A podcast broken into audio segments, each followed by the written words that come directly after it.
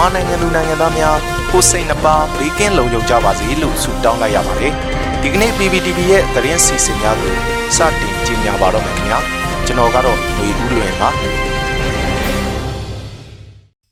အခုပထမဆုံးအနေနဲ့အထက်တန်းရှင်းနေတွေလိုင်စင်တက်တန်းတိုးဖို့ကိစ္စနဲ့ဆက်လင်းပြီးအမျိုးသားညီညွတ်ရေးအစိုးရတရားရေးဝန်ကြီးဌာနရဲ့အမိန့်ကြေညာစာတရက်ထုတ်ပြန်ခဲ့တဲ့သတင်းကိုတင်ဆက်ပေးမှာဖြစ်ပါတယ်2021ခုနှစ်စက်တင်ဘာလ1ရက်နေ့မှာထုတ်ပြန်ခဲ့တဲ့ အဆိုပါအမိန့်ကြေညာစာမှာအထက်တန်းရှင်းနေများအနေနဲ့တရားဝင်အစိုးရအုပ်ချုပ်သောကာလမှာနှစ်စဉ်လိုင်စင်ကိုအော်တိုဘာလ1ရက်နေ့နောက်ဆုံးထားပြီးလဲလှယ်ကြရကြောင်းတို့ရအတွင်း2021ခုနှစ်ဖေဖော်ဝါရီလ1ရက်နေ့ကစပြီးပြည်သူလူထုကရွေးချယ်တင်မြှောက်ထားတဲ့တရားဝင်အစိုးရကိုလက်နက်ကင်အကြမ်းဖက်စစ်ကောင်စီကတရားဝင်ဖမ်းဝရမ်းများမရှိဘဲမတရားသဖြင့်ပြန်ပေးဆွဲဖမ်းဆီးချုပ်နှောင်ပြီး၎င်းတို့ရဲ့လက်အောက်ခံရုပ်သေးတရားရုံးများမှာဥပဒေပုံမှန်မျိုးစုံနဲ့တရားစွဲဆိုထားခြင်း အပြစ်မဲ့ပြည်သူများကိုလည်းခိုင်လုံတဲ့အကြောင်းပြချက်တွေမရှိဘဲဥပဒေမဲ့ဖမ်းဆီးချုပ်နှောင်ခြင်းအပြစ်ပေးခြင်းထောင်ဒဏ်များချမှတ်ခြင်းစတဲ့ဤမျိုးစုံကိုအသုံးပြုပြီးညှဉ်းပန်းနှိပ်စက်လျက်ရှိရာရှေ့နေများကိုလည်းဥပဒေနဲ့အညီလွတ်လပ်စွာအမှုလိုက်ပါဆောင်ရွက်ခွင့်မပြုဘဲအကန့်အသတ်များနဲ့သာထိန်းချုပ်ဆောင်ရွက်ခွင့်ပြုထားပါတယ်။ဒီလိုတရားစီရင်ရေးတရားမဲ့စွာကျင့်သုံးနေတဲ့တရားရုံးအဆင့်ဆင့်အတွက်အထက်တန်းရှေ့နေတွေကအခွန်ငွေ300ကျပ်တန်အခွန်တစိကောင်းကပ်ပြီးလိုင်စင်တက်တန်းတိုးဖို့လုံးဝလုံးဝမလိုအပ်ဘူးလို့ဖော်ပြထားပါတယ်။ ဒါကြောင့်မို့အထက်တန်းရှင်းနေများအနေနဲ့အခွန်ဆောင်ပြီးလိုင်စင်တက်တန်းတိုးတာတွေမပြုကြဘဲခုခံဆင်နွှဲခြင်းနဲ့လူဦးတော်လန်ရေးမှာပါဝင်ပူးပေါင်းအားဖြည့်စေလိုကြောင်း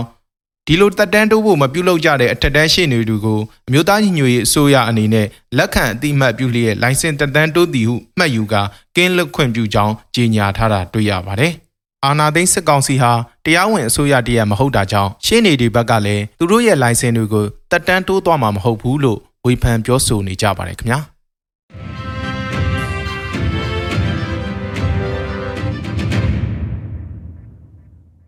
ဆက်လက်ပြီးအမျိုးသားညီညွတ်ရေးအစိုးရယာယီသမ္မတကြီးနဲ့အစိုးရအဖွဲ့ဝင်များဩစတြေးလျလွှတ်တော်နိုင်ငံသားရေးကာကွယ်ရေးနဲ့ပုံသွေးရေးဆိုင်ရာပူးပေါင်းကော်မတီရဲ့နိုင်ငံသားရေးနဲ့အကူအညီထောက်ပံ့ရေးဆက်ကော်မတီဥက္ကဋ္ဌဒုဥက္ကဋ္ဌဦးဆောင်တဲ့လွှတ်တော်ကိုယ်စားလှယ်များနဲ့တွေ့ဆုံခဲ့တဲ့သတင်းကိုတင်ဆက်ပေးမှာဖြစ်ပါတယ်။အ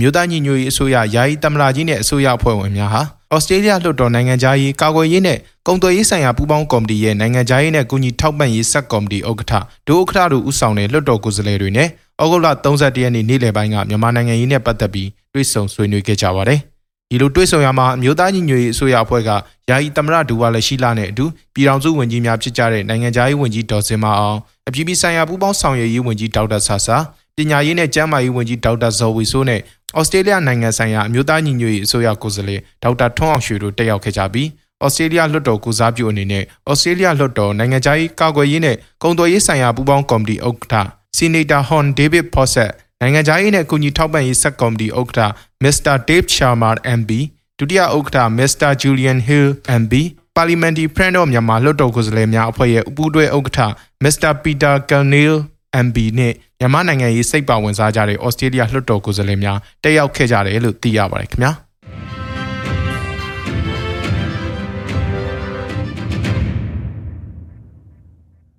ဆက်လက်ပြီးလူသားချင်းစာနာထောက်ထားရေးနဲ့ဘေးအန္တရာယ်ဆိုင်ရာစီမံခန့်ခွဲမှုဝန်ကြီးဌာနကပရိပက္ခများအတွင်ပြည်သူများဘေးအန္တရာယ်အတွက်ကြိုတင်ပြင်ဆင်ရန်အပိုင်းလေးကိုထုတ်ပြန်လိုက်တဲ့သတင်းကိုတင်ဆက်ပေးမှာဖြစ်ပါတယ်။ ပရိပက္ခများအတွင်ပြည်သူများဘေးအန္တရာယ်အတွက်ကြိုတင်ပြင်ဆင်ရန်အပိုင်းလေးမှာတော့လက်နက်ကြီးနဲ့ပစ်ခတ်ခံရနိုင်တဲ့ဒေသများရှိအရတားပြည်သူများအတွက်သတိပြုရန်အချက်များပါဝင်ပါတယ်။လက်နက်ကြီးနဲ့ပစ်ခတ်ခံရနိုင်တဲ့ဒေသများမှာနေထိုင်သူများအနေနဲ့နေအိမ်မှာကရုတ်ချင်းဘုံခိုခြင်းတူခြင်းဒါမှမဟုတ်တဲအိမ်များနဲ့ဘုံခိုဖို့နေရာများဖန်တီးခြင်းတို့ကိုပြုလုပ်ရန်မိုးပြုလုပ်ရန်လိုအပ်ပါကတက်ငယ်မိုးကစသည်တို့ဖြင့်အုံမိုးရန်ကရုတ်ချင်းနဲ့ဘုံခိုရန်နေရန်ပြုလုပ်ရန်မလွယ်ကူပါကနေအိမ်မှာအတွင်းပိုင်းအကျဆုံးနဲ့အလုံးကြုံဆုံးအခန်းတစ်ခုကိုတတ်မှတ်၍ပုံအောင်ခိုလုံရန် မှန်ကာထားတဲ့အခန်းအပြင်ဘက်နဲ့ထိစပ်နေတဲ့အခန်းမျိုးကိုအသုံးမပြုရန်ဖြစ်နိုင်မှာကအဆိုပါအခန်းမှာစံအိမ်များတဲအိမ်များဒါမှမဟုတ်ဘီလက်မြေအိမ်များစသည်တို့ကိုအသုံးပြု၍ပုံအောင်စရာနေရာများဖန်တီးထားရန်မိမိနေအိမ်ဤတွင်လက်နက်ကြီးပစ်ခတ်တံကျဲလောင်စွာကြားရပါကတက်ကြီးရွယ်ဦးများမိနေသည်များနဲ့ကလေးသူငယ်များအလွန်အမင်းထိတ်လန့်စေနိုင်သည့်အတွက်နားတွင်ပိတ်ဆို့စရာ ear plug ဘွန်းစပတိလိတ်စသည်တို့ကိုတုံး၍နားတွင်ပိတ်ဆို့ထားရန်ပြင်းထန်တဲ့ပေါက်ကွဲတံကြောင့်နစီကွဲနိုင်တဲ့အတွက်နားကိုပိတ်ပြီးပါဇက်ကိုဟထားရန် မိမိနဲ့နီးကပ်တဲ့အကွာဝေးကလေရင်တန်ကြားခဲ့ပါကအပြင်ဘက်သို့လုံးဝထွက်မကြည့်ပဲပုံအောင်တဲ့နေရာမှာပဲဆက်လက်နေထိုင်ရန်လေကြောင်းတိုက်ခိုက်မှုများရှိနိုင်သည်ကိုကြိုတင်စဉ်းစား၍အကာအကွယ်များရရှိစေရန်ပြင်ဆင်ဆောင်ရွက်ရန်မိမိနေအိမ်သည်အဝင်အထွက်လမ်းမကျောတွင်တရှိပါကလုံခြုံရေးကိုပုံမဂယူးစိုက်ပြင်ဆင်ရန်အသုံးပြုပြီးမပေါက်ကွဲသေးသောစစ်လက်နက်ခဲယမ်းပစ္စည်းများလက်ပစ်ဗုံးမော်တာကြီးဒုံးကြီးစသည်တို့ကိုတွေ့ရှိပါကအလွန်အနေအကြီးမားတာကြောင့်ကင်တွယ်ခြင်းထိခြင်းခြေဖြင့်ကန်ခြင်း နေရာရွှေ့ပြောင်းခြင်းမိရှို့ခြင်းတို့လုံးဝမပြုလုပ်ရန်၎င်းတို့ဟာပေါက်ကွဲလူလူဖြစ်နေတတ်ပြီးအตาအယာတုတ်ထိမိယုံဖြင့်ပေါက်ကွဲနိုင်တဲ့အတွက်အထူးသတိပြုရှောင်ကျဉ်ကြရန်တို့ပါရှိပါတယ်။အမျိုးသားညီညွတ်ရေးအစိုးရလူသားချင်းစာနာထောက်ထားရေးနဲ့ဘေးအန္တရာယ်ဆိုင်ရာစီမံခန့်ခွဲမှုဝန်ကြီးဌာနအနေနဲ့ပဋိပက္ခများအတွင်ပြည်သူများဘေးအန္တရာယ်အတွက်ကြိုတင်ပြင်ဆင်ရန်အပိုင်း1အပိုင်း2အပိုင်း3အပိုင်း4အပိုင်း4ပိုင်းခွဲခြားပြီးကြေညာချက်ထုတ်ပြန်ထားတာဖြစ်ပါတယ်။